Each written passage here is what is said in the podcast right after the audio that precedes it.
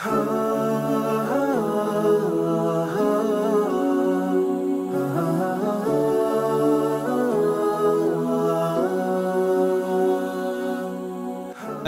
alaikum och hjärtligt välkommen till Koranpodden och till säsong 7. Jag heter Sally och detta är podden för dig som vill fördjupa dina kunskaper om Koranens budskap genom att ta del av klassiska föreläsningar som berör viktiga ämnen och som dessutom är relevanta för människans framgång och lycka. Du kommer alldeles strax få lyssna på min föreläsning Sju smarta steg för att komma över ett haram-förhållande från 2015 som hölls för en grupp muslimska ungdomar i Malmö.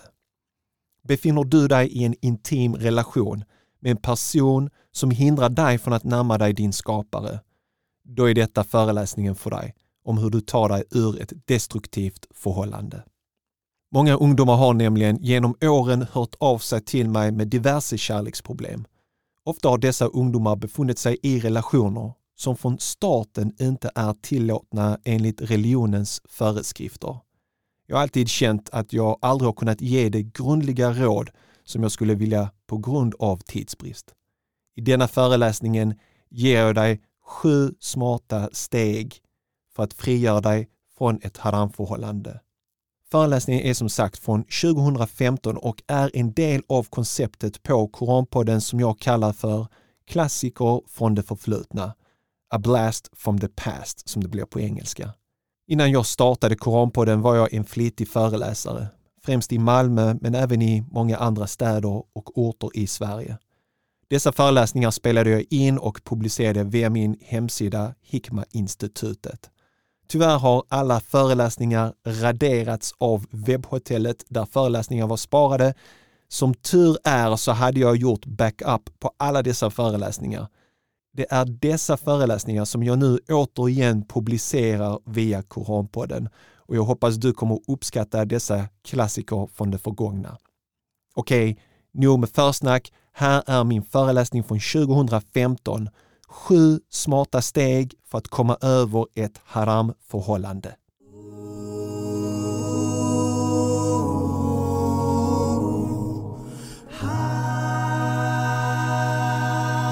أعوذ بالله من الشيطان الرجيم بسم الله الرحمن الرحيم الحمد لله رب العالمين والصلاة والسلام على رسول الله السلام عليكم ورحمة الله وبركاته Vad skulle du göra vad skulle du göra om du helt plötsligt hade blivit vägledd av Allah subhanahu wa ta'ala? Du hade levt ett liv utan Allah. Du hade festat, du hade hängt ut med dina vänner, du hade prövat olika saker. Vad skulle du göra om du helt plötsligt hade vägletts av Allah subhanahu wa ta'ala? Du hade kommit till insikten att du måste göra av dig med saker och ting i ditt liv som hindrar dig att komma nära Allah subhanahu wa ta'ala. Så du skulle bli tvungen att säga nej till en del saker. Nej till vänner som påverkar dig negativt. Nej till alkohol, nej till tobak. Och kanske hade det gått så långt att i din tillvaro när du levde utan Allah subhanahu wa ta'ala så hade du kanske en pojkvän eller du hade en flickvän. Och då har du två alternativ om du har en flickvän eller en pojkvän. Och det är antingen eftersom Allah subhanahu wa ta'ala accepterar inte att man kan vara i en sådan relation. Antingen är man gift eller ogift. Sambo, flickvän, pojkvän, det där är sånt som Allah subhanahu wa ta'ala inte accepterar. Så det finns två alternativ. Det ena är att du liksom bryter kontrakt, kontakten och säger det här är en relation som Allah subhanahu wa ta'ala inte tycker om. Därför bryter jag den här kont kont eh, kontakten. Eller så väljer du att den här relationen som du har, som Allah inte tycker om, att göra om den till en relation som Allah subhanahu wa ta'ala tycker om. Det vill säga att du gifter dig med den människan. Och varför jag nämner detta är därför att det finns en hel del bröder, men även systrar som kontaktar mig, ringer mig och berättar om olika relationer som de befinner sig i. Och de tänker hur ska jag göra, vad ska jag säga och, och så vidare. Så, om Allah subhanahu wa har väglett dig och du har en flickvän eller pojkvän och du bestämmer dig, den här relationen är inte bra för mig, den håller mig tillbaka, det är dags för mig att säga nej till den här människan. Det är det ena liksom, saken. Det andra är, idag så växer ni upp med Facebook. Det är en naturlig del för er. Att umgås på Facebook, umgås på Twitter, Snapchat och så vidare. På min tid när jag var i er ålder fanns inte Facebook, fanns inte Twitter och sådana här saker. Du har väldigt svårt att, möta det motsatta könet om man är praktiserande. Hänger du med? Det första scenariot jag tog upp, det var en som är inte praktiserande, blir praktiserande, har en pojkvän, flickvän. Vad ska han eller hon göra? Det andra stadiet är att du är praktiserande, men du kan falla i den här fällan också. Du är på Facebook, en bror kontaktar dig, syster, jag har bara en fråga jag vill ställa. Och så leder det ena till det andra, att det blir en kontakt som utvecklar sig, känslorna kommer in, relationerna kommer in, syster jag vill gärna gifta mig med dig och, så utvecklas det till en relation som Allah subhanahu wa ta'ala inte accepterar, som inte är bra för dig. Om du tar den här vägen av att säga, vet du vad? Jag har nu kommit till insikten att den här relationen som vi har, det här, det här är inte acceptabelt. Det här är inte någonting som alla tycker om. Det är nu dags för mig att sätta stopp för den här relationen. Då har jag sju smarta steg för att komma över ett haram förhållande. Och det är de som jag tänkte ta idag. Och att du är här idag, eller de som kommer att lyssna på det här på internet senare, att, att du är här idag och lyssnar på det här betyder oerhört mycket. Det betyder att man har förstått att den relationen jag har med det motsatta könet inte är någonting som Allah subhanahu wa ta'ala accepterar. Det är någonting som håller tillbaka mig i min relation till Allah. Så bara att man, har, att man lyssnar på det här är ett erkännande, erkännande och ett viktigt steg. Och alla ni här inne nu, eller de som kommer att lyssna på detta senare på internet, alla har inte en pojkvän eller flickvän eller befinner sig i en sådan relation nu. Man vet inte, kanske i framtiden råkar ni hamna i en sån situation. Eller så har ni en vän som befinner sig i en sådan relation. Och vad är det för råd man kan ge till en sådan bror eller syster? Att bryta en sådan relation är bland det svåraste som finns. Speciellt om det har gått en viss tid, speciellt om det har utvecklat sig till känslor. En som har levt i Jahiliya, som har en flickvän och en pojkvän, helt plötsligt blir religiös och, och säger att jag kan inte umgås med henne så här. Det, det är inte tillåtet i min religion. Det är väldigt svårt att bryta det där bandet. Man har hängt ut tillsammans hela tiden, man har gjort allting tillsammans. Alla de här sakerna och så helt plötsligt, jag kan inte göra detta längre. Och man måste bryta det, det är väldigt tufft. De som är på Facebook, Snapchat och har den här brodern som man chattar med hela tiden. Och när jag kommer hem så vet jag att Ahmed är där eller Fatima är där. Jag kan skriva några rader till henne, berätta hur jag känner mig och så. Hon kan trösta mig lite grann, jag kan trösta. Att bryta sådana relationer är bland det svåraste som finns. Men Allah subhanahu wa ta'ala säger genom profeten Muhammed sallallahu ord, det här är en hadith qudsi, att om min tjänare, Allah subhanahu wa ta'ala säger så här, att om min tjänare går till mig så kommer jag, Allah, springande till honom. Så om vi bara tar ett steg till Allah, om vi bara säger, om vi erkänner, den här relationen är haram. Det är inte tillåtet i min relation att ha en sån intim relation med det motsatta könet om vi inte är gifta. Men jag vill göra en förändring, jag vill ändra på mitt liv, jag vill bryta det här förhållandet. Inte för att skada henne eller honom, utan för att jag vill komma nära Allah. Det är det som är det rätta för mig. Om du tar ett steg till Allah, Allah kommer att komma springande till dig. Det finns en vers i Koranen också, Allah subhanahu wa ta'ala säger så här. أعوذ بالله من الشيطان الرجيم بسم الله الرحمن الرحيم ومن يتق الله يجعل له مخرجا ويرزقه min haythu la yahtasib. Gud visar var och en som fruktar honom. Om du fruktar Allah, du är beredd att göra taba. Du vet att han finns, du vet att du ska stå till svars för dina handlingar. Om du fruktar honom så kommer han att visa en utväg ur alla svårigheter. Och han kommer sörja för honom på ett sätt som han inte kan förutse. Så om du sätter din tillit till Allah så kommer Allah subhanahu wa ta hand om alla dina problem. Du behöver inte vara bekymrad. Oh, jag säger nej till den här relationen, jag säger nej till min pojkvän eller flickvän. Jag kommer kanske aldrig gifta mig igen, jag kommer aldrig hitta någon annan. Ingen annan kommer älska mig. Det är så shaitan kommer och lurar. Jag har haft honom så många år, vi har varit pojkvän och flickvän, hela kvarteret har hört talas om mig och honom. Om jag gör slut med honom, vem kommer vilja älska mig då? Men om du vill göra rätt så behöver du inte oroa dig. Allah subhanahu wa ta'ala kommer hitta en lösning till dig från ett ställe, från en plats som du inte ens hade räknat med. Helt plötsligt kommer Allah ge dig ett halal förhållande som du inte ens var beredd på att det skulle dyka upp. Bror, det finns plats här framme inshallah. Så var aldrig rädd att göra taba, att vända dig tillbaka till Allah subhanahu wa ta'ala. Vad kommer folk säga? Vad kommer de att säga? Jag kommer inte kunna lyckas. Nej, var aldrig rädd för det. Allah subhanahu wa ta'ala lovar själv i Koranen att han kommer ta hand om dig. Så länge du tar ett steg till honom, han kommer springandes till dig.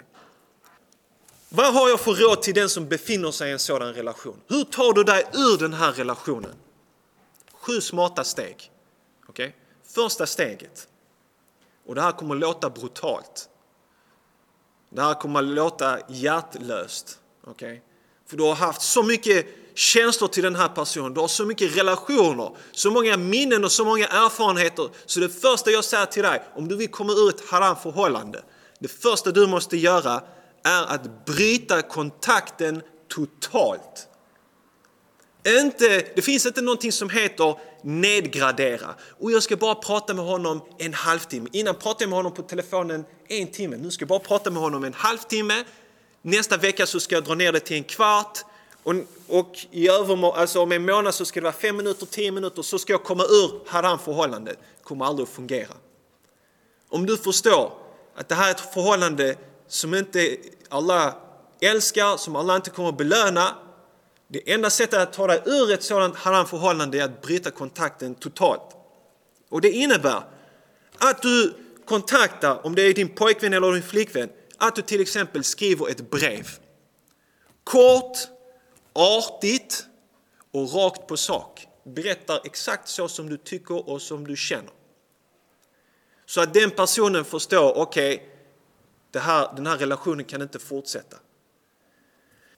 Om du har kontakt med den personen på Facebook så måste du ta bort den personen från Facebook. Du kan liksom inte ha kvar personens mobiltelefon, spara på e-mail, spara på kärleksbrev och alla de här sakerna. Alla de där sakerna måste bort. Det måste ske brutalt om du vill komma bort från det här förhållandet. Om du försöker halvhjärtat så kommer shaitan få dig tillbaka igen. Du kommer ha några kärleksbrev som du har lagt undan du försöker bryta kontakten, sen läser du något kärleksbrev och sen så blir du svag och så hör du dig av igen till personen. Du säger, jag kan inte ha kontakt med dig längre, det går en kvart så får du ett sms. Eller du får ett Facebook-meddelande och så vidare. Det här är att man måste sitta ner med sig själv och besluta att det här är ett haram-förhållande, jag kan inte ha det här, det här får ta slut. Och då gör man det rakt på sak. Man kan, inte heller ha, man kan inte heller lura sig själv genom att säga så här till sin partner så här, vet, vet, det här är ett haram-förhållande, men vet du vad? Vi kan höras igen när, när vi är 19 år gamla och om du är ogift och jag är ogift, då kan vi gifta oss. Alltså att man på något sätt försöker skjuta fram det i framtiden. Du lever ditt liv, jag lever mitt liv och sen får vi se om du är ogift och jag är ogift. Lura sig själv, det funkar inte heller. Och har du väl bestämt dig för att du ska bryta den här kon kontakten, då kan du inte heller spionera på den andra. Liksom. Man har brutit kontakten men jag ska bara gå där borta för att jag vet att när hon slutar skolan så brukar hon ta den vägen. Så om jag står här så kanske jag ser henne gå förbi. Hänger du med? Eller jag, jag, jag umgås mer med den här vännen för den vännen har mycket kontakt med henne så jag kan få veta lite så här hur det går för henne och så vidare. Alla sådana där fantasier måste man lägga åt sidan. Det är bara shaitan som vill hålla dig kvar så att du kan falla, ner, falla i den fällan igen. Nummer två, det andra steget för att ta dig ur ett haram-förhållande är att sluta oroa dig. Sluta vara orolig. Du ska sluta att tänka på vad tänker nu min flickvän på eller min före detta flickvän eller min pojkvän eller den här som jag har relation med. Vad tänker han? Tänker han på mig? Eller vad kommer han att säga eller vad kommer hon att säga? En annan sak, det var en bror som sa till mig, du vet, han, ringde till mig, han sa till mig, du vet, han berättade han hade en sån här relation, han sa vad ska jag göra och så vidare. Jag bara, bror, vet, innan jag kan ge dig råd, vet om att du befinner dig i ett haram-förhållande. Det finns inga råd jag kan ge till dig. Du befinner dig i en relation som som är oacceptabel. Så det enda rådet jag kan ge till dig är antingen gör du slut eller så gifter du dig med den här personen. Det finns inga mellanlägen eller quick fix eller någonting mittemellan. Antingen avbryter du relationen eller så gifter ni er. Är du säker bror att du vill gifta dig med den här tjejen? Då var han lite osäker. Då sa jag, det finns ingenting. Antingen bryter du eller så gifter du dig. Du har två val. Det är brutalt, det är enkelt, men så är det. Man kan inte komma och liksom hitta något mellanläge. Så han sa till mig, och det är där som jag kopplar till det, sluta oroa dig. Han sa till mig så här, Sally, det är jättesvårt. Jag sa till honom, jag vet, det är jättesvårt att ta sig ur ett förhållande, speciellt när ni har så mycket kär, kärlek och, och känslor mellan varandra. Kärlek är ett stort ämne. Du vet. Men de har relationer, de har känslor för varandra. Han sa, det är jättesvårt. Jag sa, jag vet att det är svårt, men det är det som är din jihad. Du har två val bror. Han sa till mig, Sally, hon sa till mig att om jag gör slut med henne så kan hon inte leva längre. Hon vill inte leva längre. Hänger du med? Och detta här är ett trick från Shaitan. Ni har säkert hört det från era vänner och andra. Vet, jag älskar honom så mycket, jag vet inte vad jag ska göra, jag kan inte leva utan honom, bla bla bla bla bla. vet, de lever uppe på molnen, Hollywoodkärlek. Jag lovar, jag, jag sa till den här brodern, gör slut med henne, hon kommer fortsätta leva. Tror du hon kommer you know, sluta leva på grund av dig? Hon kommer må dåligt en vecka, sen kommer hon gå vidare. Du kan inte fortsätta att stanna i ett haram förhållande bara för att hon hotar dig med att om du gör slut med mig så kan jag inte leva, jag kommer inte äta någonting, jag kommer vara deprimerad. Ingen människa kan sätta dig i sån schackmatt, liksom, i ett sånt hörn. Så att du måste befinna dig i ett haram förhållande. Utan det du måste göra är att sluta oroa dig och tänk att det går bra för dem utan dig. Vem är du? Förstår ni? Är du så jätteviktig att du måste tänka, oh, men tänk nu om jag drar mig bort från henne, hon kommer inte kunna klara sig, jag är jätteviktig. Nej, oroa dig inte. Tänk istället, det kommer gå bra för honom. Det kommer gå bra för henne, till och med bättre utan mig i deras liv. Det är så man måste tänka, inte tänka hur kommer det gå nu med henne utan mig? Nu kommer hon inte sluta äta, nu kommer han sluta och liksom fungera. Och det blir bättre med tiden. Och det du måste tänka på är att Allah räddar dig från något som kunde ha gått illa. Så du måste tänka positivt, det här kommer ordna sig, det kommer gå jättebra för henne och det kommer gå bra för mig också. För nu har vi gått bort från ett haram förhållande. Det kan bara bli bättre, inte sämre. Steg nummer tre, att komma ur ett haram förhållande, är att du måste fylla igen tomrummet som bildas när ni separerar. För när man har varit så mycket tillsammans, när man har så många minnen och så mycket erfarenheter, när man har gjort så mycket tillsammans, chattat varje kväll, skickat bilder och allt möjligt va? och sen helt plötsligt kommer det till ett stopp. Boom! Då bildas det ett vakuum, det bildas ett tomrum i ditt liv. Det är jätteviktigt att du fyller det tomrummet med någonting annars, med något annat. Annars kommer du ligga i din säng och titta på taket och bara drömma och må dåligt. Så fyll igen tomrummet. Hur kan du göra det? Vad kan du fylla igen tomrummet med? Du går bort från den här relationen i första hand därför att du vill komma nära Allah subhanahu wa ta'ala. Så du kan fylla igen det här tomrummet med att tala till Allah subhanahu wa ta'ala. Tala till Allah subhanahu wa ta'ala vad du känner. Berätta för Allah subhanahu wa ta'ala allt vad du har i ditt hjärta om den här relationen. Uppriktigt vänd dig till Allah subhanahu wa ta'ala och berätta för honom och sök hans hjälp. Sök hans vägledning. Och be för den partner som du har lämnat. Det är inte så att du ska hata den personen. Nej, du ska be för den personen och be för dig själv att Allah ska öppna upp vägarna för er och ge er någonting som är ännu bättre. Och den, om det har funnits kärlek i ditt hjärta nu och det blir en tomrum där, då ska du fylla det tomrummet med Allahs kärlek. Kom ihåg, vem är Allah subhanahu wa ta'ala? Reflektera över vem Allah subhanahu wa ta'ala är. Att han har tagit hand om dig. Det är att han som försörjer dig. Det är han som har gett dig ett liv. Det är han som har gett dig allt det goda du har i ditt liv. Tänka på Allah subhanahu wa ta'ala, tacka honom för det så att den, den kärleken som du inte visar till den här personen längre, att du kan visa den kärleken till Allah subhanahu wa ta'ala. Be till Allah subhanahu wa ta'ala om någonting bättre. Om Salama som blev profeten Muhammed sallams hustru, hon förlorade sin man.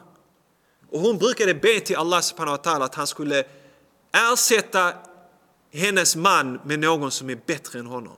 Han var en sahabi, han var en mycket, mycket fin man, mycket from man. Och hon bad till Allah subhanahu wa ta'ala, ersätt honom med någonting som är bättre. Och Allah subhanahu wa ta'ala ersatte hennes man med profeten Muhammed sallam. Så profeten Muhammed sallam gifte sig med Umm Salama som var en änka. Så när då, det är inte så att vi vill leva som munkar och nunnor. Det är inte det vi vill göra. Vi vill leva i en relation med en människa som älskar oss och en människa som vi älskar. Men vi vill att det ska vara ett halal förhållande. Ett förhållande som Allah subhanahu wa ta'ala älskar. Så när vi separerar från det här haram förhållandet så ber vi till Allah subhanahu wa ta'ala. Allah, jag ber dig att, eh, att ge mig någon som är bättre än det som jag lämnade. Jag lämnade han eller henne för din skull.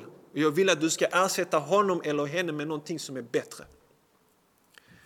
Ibn Abbas, han ville gifta sig, en ung sahabi. Han ville gifta sig. Och när han hade den här avsikten att nu är det dags för mig att gifta mig. Vet ni vad han började göra då? Han gick inte och köpte en massa fina kläder, började fixa frisyren, började använda parfym, började prata med bröderna. Hur kan jag hitta en fru? Alla de här sakerna som alla vi andra gör om vi är redo för att gifta oss och skicka ut signaler. Men vad han gjorde var att han började fasta och han började be extra mycket till Allah subhanahu wa ta'ala. Varför gjorde han det? Därför att han, i hans hjärta så ekade en vers. En vers ekade i hans, i hans hjärta. En vers som lyder som så här. وَالتَّيِّبَاتُ لِلتَّيِّبِينَ وَالتَّيِّبُونَ لِلتَّيِّبَاتِ De goda kvinnorna är för de goda männen och de goda männen är för de goda kvinnorna. Så vad är det Allah subhanahu wa ta'ala säger? Han säger de goda kvinnorna är till de goda männen. Och de goda männen är för de goda kvinnorna. Så om du vill gifta dig och du vill gifta dig med någon som är som har bra moral, bra etik, bra uppförande. Det är de här värdena som håller. Tro mig, jag har varit gift nu ett tag och det som håller i längden, det som du värdesätter efter en tid, det är karaktären. Det är omtänksamheten. Inte det ytliga, superficial. Du vet. Så Allah subhanahu wa ta'ala säger, du vill gifta dig med en god kvinna, då ska du vara en god man själv. Förbättra dig själv så kommer du gifta dig med någon som är god. Och det gäller båda könen. Det är därför Allah säger först, goda män för goda kvinnor, goda kvinnor för goda män. Men tro inte att du inte ska sträva med att förbättra dig själv. Inte bli bättre medmänniska. Vet. Inte hjälpa till där hemma, inte hjälpa människor i nöd och så vidare. Bara tänka på dig själv och du ska gifta dig med en man eller en kvinna som ska bry sig om dig. När Allah kommer ge dig en som du förtjänar. Så om du bara tänker på dig själv, du bara tänker på din egen ficka, så kommer Allah subhanahu wa ta'ala ge dig en man eller en kvinna som bara tänker på sig själv. Sen kommer du gråta. Min man tänker bara på sig själv. Tänker aldrig på mig själv, på någon annan. Aha, har du tänkt på dig själv? Börja med dig själv först. Det är det vår religion lär oss. Om det kommer till individnivå, peka fingret mot dig själv. Kommer det på politiknivå, istället för att peka finger på USA, peka finger på Israel, Frankrike, Storbritannien, det landet och det landet, peka finger på ditt eget land. Fyll igen tomrummet. Fyll igen det med någonting gott istället. Fyll igen det med att förbättra dig själv så att Allah subhanahu wa ska ersätta dig med någonting bättre. Och Allah subhanahu wa han säger Innal hasanati yudhibna as-sayyi'at. De goda handlingarna driver bort de dåliga handlingarna. För vissa människor kan få dåligt samvete. Jag har haft den här haram förhållande. Jag har gjort så mycket haram med den här personen. Hur ska Allah subhanahu förlåta mig? Allah förlåter dig genom att du ersätter det med goda handlingar. Gör gott och Allah subhanahu kommer sula bort dina dåliga handlingar. Och fyll igen tomrummet. Sitt inte hemma i sängen och vara deprimerad. Upp ur sängen, ut, hitta på roliga saker, gör annat. Jag kommer komma till den punkten senare. Låt inte din hjärna leka med dig. En massa tankar som för dig någon annanstans. Vad kommer hända med mig? Vad har jag gjort? Vilka val har jag gjort? Nej, nu måste du vara stark, du måste ha fokus rakt fram. Steg nummer fyra för att komma ur ett haram förhållande är att sluta drömma. Eller som man säger på engelska, sluta vara i la land. Och det som är problemet med liksom praktiserande muslimer, det är att man liksom tänker och drömmer om giftermål nonstop. Oh, hur kommer mitt bröllop vara? Vem kommer jag gifta mig med?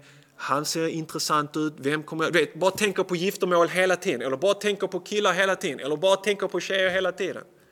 Vet, hur kommer min drömprins vara? Min drömprinsessa kommer vara... Nej. Om du inte är redo för giftermål så är du inte redo. Och Allah subhanahu wa ta'ala har inte lagt dig i ett äktenskap för det är inte dags för dig att vara gift. Allah subhanahu wa ta'ala har låtit dig vara ogift för att du ska göra annat just nu. När man är ogift, man är ung, så har man vissa friheter, vissa möjligheter som man inte har sen när man gifter sig. Vissa bröder förstår inte det. De gifter sig och de tror de har samma frihet som när de var ogifta som när de gifter sig. Så de gifter sig, lämnar frugan hemma själv, reser runt halva jordklotet, får barn, reser dit och dit och ska göra detta och detta, ute med bröderna sent på kvällarna, äter pizza, gör salat tarawih i moskén och sover över i moskén och lämnar sin stackars fru där hemma med barnen. För han tror att han har samma frihet som när han var ogift. Det gäller säkert systrar också. Så, du är ogift, du har frihet nu. Du har möjlighet att göra saker och ting som du inte kommer ha möjlighet att kunna göra sen när du blir gift. Så folk går runt och tänker, oh, jag önskar att jag var gift så slapp jag det här problemet, så slapp jag det här problemet, så kunde jag leva lyckligt. Nu är jag ogift och nu är jag så olycklig. Vet. Och så är man helt deppig. Och så missar man alla de möjligheter som man har när man är ung. Sen när man gifter sig, du måste hämta barnen från dagis och sen måste du göra detta och så måste du reparera, nu gick kylskåpet sönder så nu måste du gå och reparera det och så måste du betala räkningarna så nu måste du jobba och så måste du göra, så nu har du helt plötsligt helt andra ansvar. Och nu kan du inte göra det som du kunde göra när du var ung. Så det finns en visdom bakom att vara ogift och vara gift. Man är inte ogift nu, ta tillvara den tiden. Sitt inte och dröm liksom, oh, jag drömmer jag ska gifta mig och jag ska ha det så vackert och fint. Min man ska köra runt mig med bilen så blir det så lätt. Nej, det finns visdom bakom allting. Det är därför Allah subhanahu wa ta'ala säger i Sura 24, vers 33, han säger så här, och låt dem som inte har möjlighet att ingå äktenskap leva i avhållsamhet. Tills dess Gud i sin nåd drar försorg för, eh, för sorg om dem. Så, så länge du inte är gift så är det avhållsamhet som gäller tills Allah subhanahu wa ta'ala ger dig den här välsignelsen av att du gifter dig. Giftermål är en stor sak. Det är halva religionen som vissa säger. Jag vill inte lägga ner giftermålet så här och se ner på det. Men det finns tid för det och det finns tid för det här. Det är det jag vill säga. Så sluta drömma, lev för stunden. Nummer fem, steget ut ur ett, äktens, ur ett haram förhållande är självrannsakan. Vad betyder självrannsakan? Det är att man ser till sig själv och tänker så här, är det verkligen dags för mig att gifta mig nu? Är jag verkligen redo för ett giftermål? för det här stora steget? Finns det saker som jag först måste uppnå? Finns det saker och ting som jag måste ändra på mig själv innan jag kan gifta mig? Det finns en mening med att jag är singel nu. Det finns tid för mig att ändra på mig, att utveckla mig så att Allah subhanahu ska ge mig den bästa partnern. Självrannsakan betyder att du tittar på dig själv, du kritiserar dig själv. Se vad kan jag utvecklas som människa? Och när man är i den processen så är det jätteviktigt att man konsulterar rättfärdiga människor. Att man pratar med sina föräldrar. Och Det kan kännas tufft och svårt, men tänk dig om du sitter ner med dina föräldrar och pratar om de här stora frågorna. Vet, pappa, mamma, jag funderar på giftermål. Vad tycker ni om det? Hur ser ni på mig? Ser, tycker ni att jag är redo? Vad är det för någonting jag saknar för att kunna gifta mig? För att kunna vara vuxen och kunna ta det ansvaret som innebär att vara gift. Och den som känner dig bäst är dina föräldrar. De som känner dig bäst är de som är troende, fromma, som har en relation till dig. Så dra dig aldrig ifrån att prata med dem, att närma dig dem och säga vet, jag är den jag är, du känner mig. Vad tycker du? Tycker du att jag är verkligen redo att gifta mig? Om du skulle kunna kritisera mig, vad är det för någonting du skulle kritisera så jag kan förbättra mig? Så jag kan ändra det så att jag blir redo. Nummer sex, för att ta dig ur ett haram förhållande, är att du har varit i en sån här relation, massor med känslor, massor med passioner, massor med värme och allt det här. Och sen bara bryter du det här. Det kan bildas ett tomrum. Och det sjätte är steget ut ur ett haram förhållande. Det är att du ska återupptäcka dig själv. Ta reda på vem du är. Vad är dina talanger? Vad är dina erfarenheter? Vet, I en relation så ibland blir man fast och man blir till en person som man kanske egentligen inte är. Och man umgås med den människan hela tiden och man är så förälskad och man är så förblindad att man gör och lyssnar på allt det som den personen säger om en själv så att du glömmer bort vem du egentligen är själv. Så när du har dratt dig ur det här förhållandet som är negativt, som påverkar dig negativt, då är det en möjlighet för dig att återupptäcka vem du är själv. Vad är dina talanger? Vad vill du göra i framtiden? Vad vill du utveckla med dig själv? Det finns tid nu att pröva saker du alltid har velat pröva men som du inte har kunnat göra på grund av den relationen du har haft. Men nu är du fri från den här relationen, nu kan du göra det du vill. Inte det som han eller hon vill. Jag vill pröva det här, men är det helt konstigt, vi sticker till Emporia istället. Kom vi gå till moskén, men ska du helt plötsligt bli sån fanatiker? Nej, jag vill inte gå dit där, vi sticker istället till den här restaurangen eller till den här festen istället. Men när du bryter det här haramförhållandet, då finns det möjlighet för dig att återupptäcka dig själv. Unna dig själv, ta hand om dig själv. Du måste ta det här till akt därför att om du inte tänker på att utveckla dig själv, om du bara släpper det här, då kommer shaitan, Sally vad har du gjort? Har du sagt nej till den här tjejen? Är du inte klok? Du som har byggt upp en sån här relation med henne under så många år eller under så många månader. Hur kan du bara bryta det här så här? Du har gjort ett fel. Nej, därför gäller det att vara aktiv så att shaitan inte kommer och börjar leka med dig. Gör dig upptagen med annat. Så att du inte du vet, fastnar i dina drömmar och börjar tänka på Hollywood-kärlek och så vidare. Ett annat råd som de lärda ger är att ta reda på vad är riktig kärlek. Och den bästa förebilden för riktig kärlek är profeten Muhammed tillsammans med, sin, med Khadija och sen med Aisha. Studera hans liv, studera hur han älskade sina hustrur och vad han gjorde för dem. Vad innebär det att vara gift på ett islamiskt sätt? Vad är det för ansvar du har som en man för din kvinna när du gifter dig med henne? Vad har du som ansvar som kvinna när du gifter dig med din man? Studera, ta reda på det. Seriöst, var får vi vår bild av hur kärlek är? Vi får det genom skolan, av våra vänner som har flickvän och pojkvän. Vi får veta om kärlek genom TV. Ingen imam sitter och pratar med oss om vad kärlek är. När hörde du någon imam prata om vad kärlek är? Aldrig. Så vi lär oss om kärlek genom Bollywoodfilmer, du vet, genom TV och sådana saker, men vi lär oss inte vad kärlek är av den bästa förebilden som är profeten Muhammed Så när du bryter det här förhållandet, har haft det här haram förhållandet, du bryter det, studera sann kärlek. Men bli inte sentimental. Oh man, jag saknar det.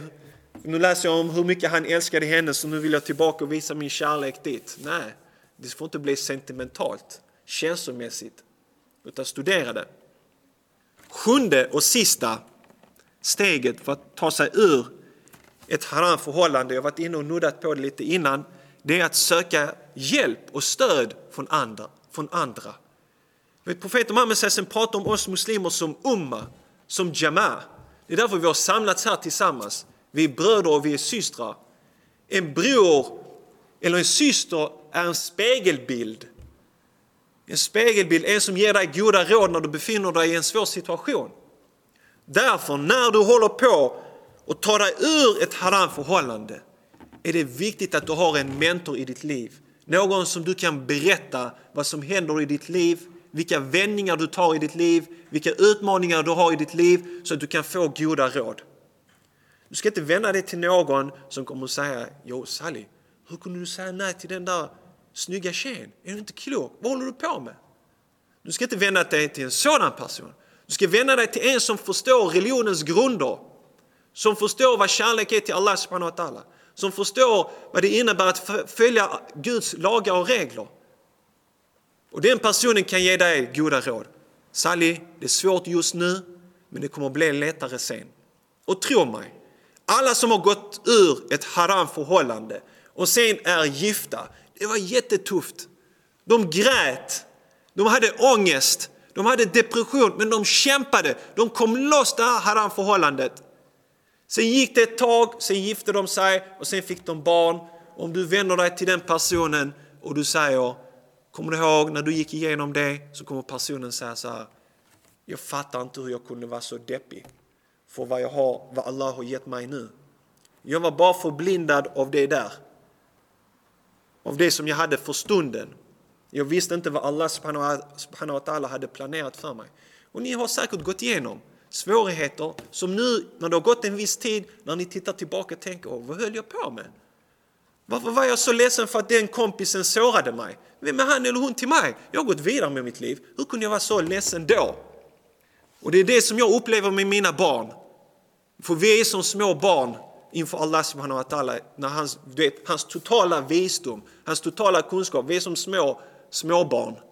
Som mitt barn vet, jag köper en klubba, han får en klubba och så ser han att jag har en annan klubba som ligger undan så vill han ha den klubban så säger jag Yasin, du får bara en klubba.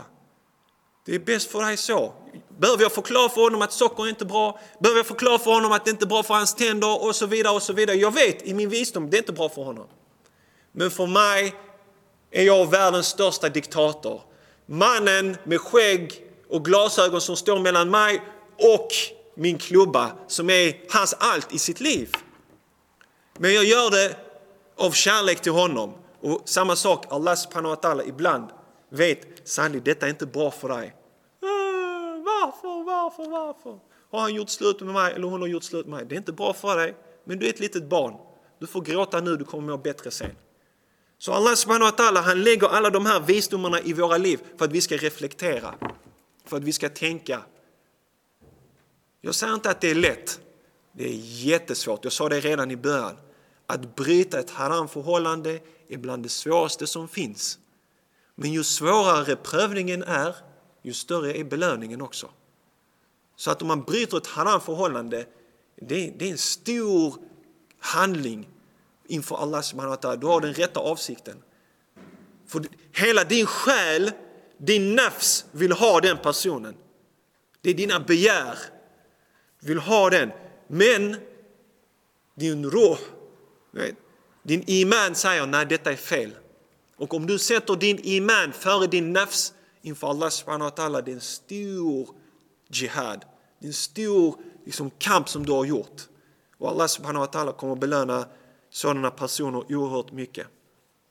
Så, det var de sju stegen för att ta sig ur ett haram-förhållande. Jag går igenom dem igen. Bryt kontakten totalt. Sluta oroa dig fyll igen tomrummet med någonting annat. Sluta drömma, börja självrannsaka dig själv och återupptäck dig själv på nytt och sök hjälp från bröder och systrar som har visdom, som har kunskap, som har erfarenhet och som kanske själva är gifta och har gått den vägen som ni har gå på, så att säga. سبحانك اللهم وبحمدك أشهد أن لا إله إلا أنت أستغفرك وأتوب إليك Tack för att du lyssnade på min föreläsning från 2015, Sju smarta steg för att komma över ett haram-förhållande. Något som jag tar med mig från min föreläsning är vikten av att det alltid finns lösningar på utmaningar. Insikten att det till en början kan vara smärtsamt och göra ont när du frigör dig från ett haram och destruktivt förhållande, men att det i det långa loppet kommer vara både givande och frigörande är den största lärdomen som jag tar med mig. När du frigör dig från ett destruktivt förhållande för att närma dig Allah kommer du känna trons sötma som få förunnas. Om du tyckte att min föreläsning Sju smarta steg för att komma över ett haram-förhållande var givande och du känner någon som du vet skulle bli stärkt av att lyssna på föreläsningen, då skulle jag uppskatta om du delar den. Skicka ett mail eller ett sms med direktlänken till föreläsningen koranpodden.se 192. Innan du ska få lyssna på smakprovet från nästa veckas samtal vill jag be dig, kära lyssnare, om en tjänst. Om du lyssnar på Koranpodden via Spotify, ta en minut och betygsätt Koranpodden via din Spotify-app i mobilen. Du kan betygsätta genom 1 till 5 stjärnor. När du betygsätter hjälper du andra lyssnare via Spotify att upptäcka Koranpodden. Jag tackar så mycket på förhand. Nästa vecka inshallah, med Guds vilja, får du lyssna på min intervju med Amerika Vera Zavala. Amerika har bland annat med sina föreställningar Svenska hijabis från 2016 och Muslim Ban från 2017 problematiserat och uppmärksammat islamofobin i samhället. Här kommer ett kort smakprov. Islamofobin är ju en ideologi, en överbyggnad, liksom någonting som har fruktansvärda konsekvenser för människor. Men det är också, tycker jag, väldigt tydligt i Sverige att det är så många av liksom, journalister, politiker, eh, kulturskribenter som överhuvudtaget inte känner någon som är muslim. Mm. Så det finns ingenting att relatera till. Det finns Precis. ingen som man kan liksom bara ställa en enkel checkfråga till. um, Missa inte samtalet med Amerika Vera Zavala nästa vecka på måndag inshallah. Följ oss på Facebook och Instagram där du kan följa arbetet med säsong 7 och se bilder från bakom kulisserna. Och vill du komma i kontakt med mig eller vill tipsa om någon som du vill att jag intervjuar så gör du det lättast genom att mejla mig på hej koranpodden.se. Då återstår det bara för mig att önska dig en härlig vecka. Tack för att just du lyssnar på Koranpodden. Vi hörs igen nästa vecka på måndag inshallah. Ta hand om dig tills dess och glöm inte att betygsätta Koranpodden via din Spotify-app. Assalamu alaikum wa rahmatullahi wa barakatuh.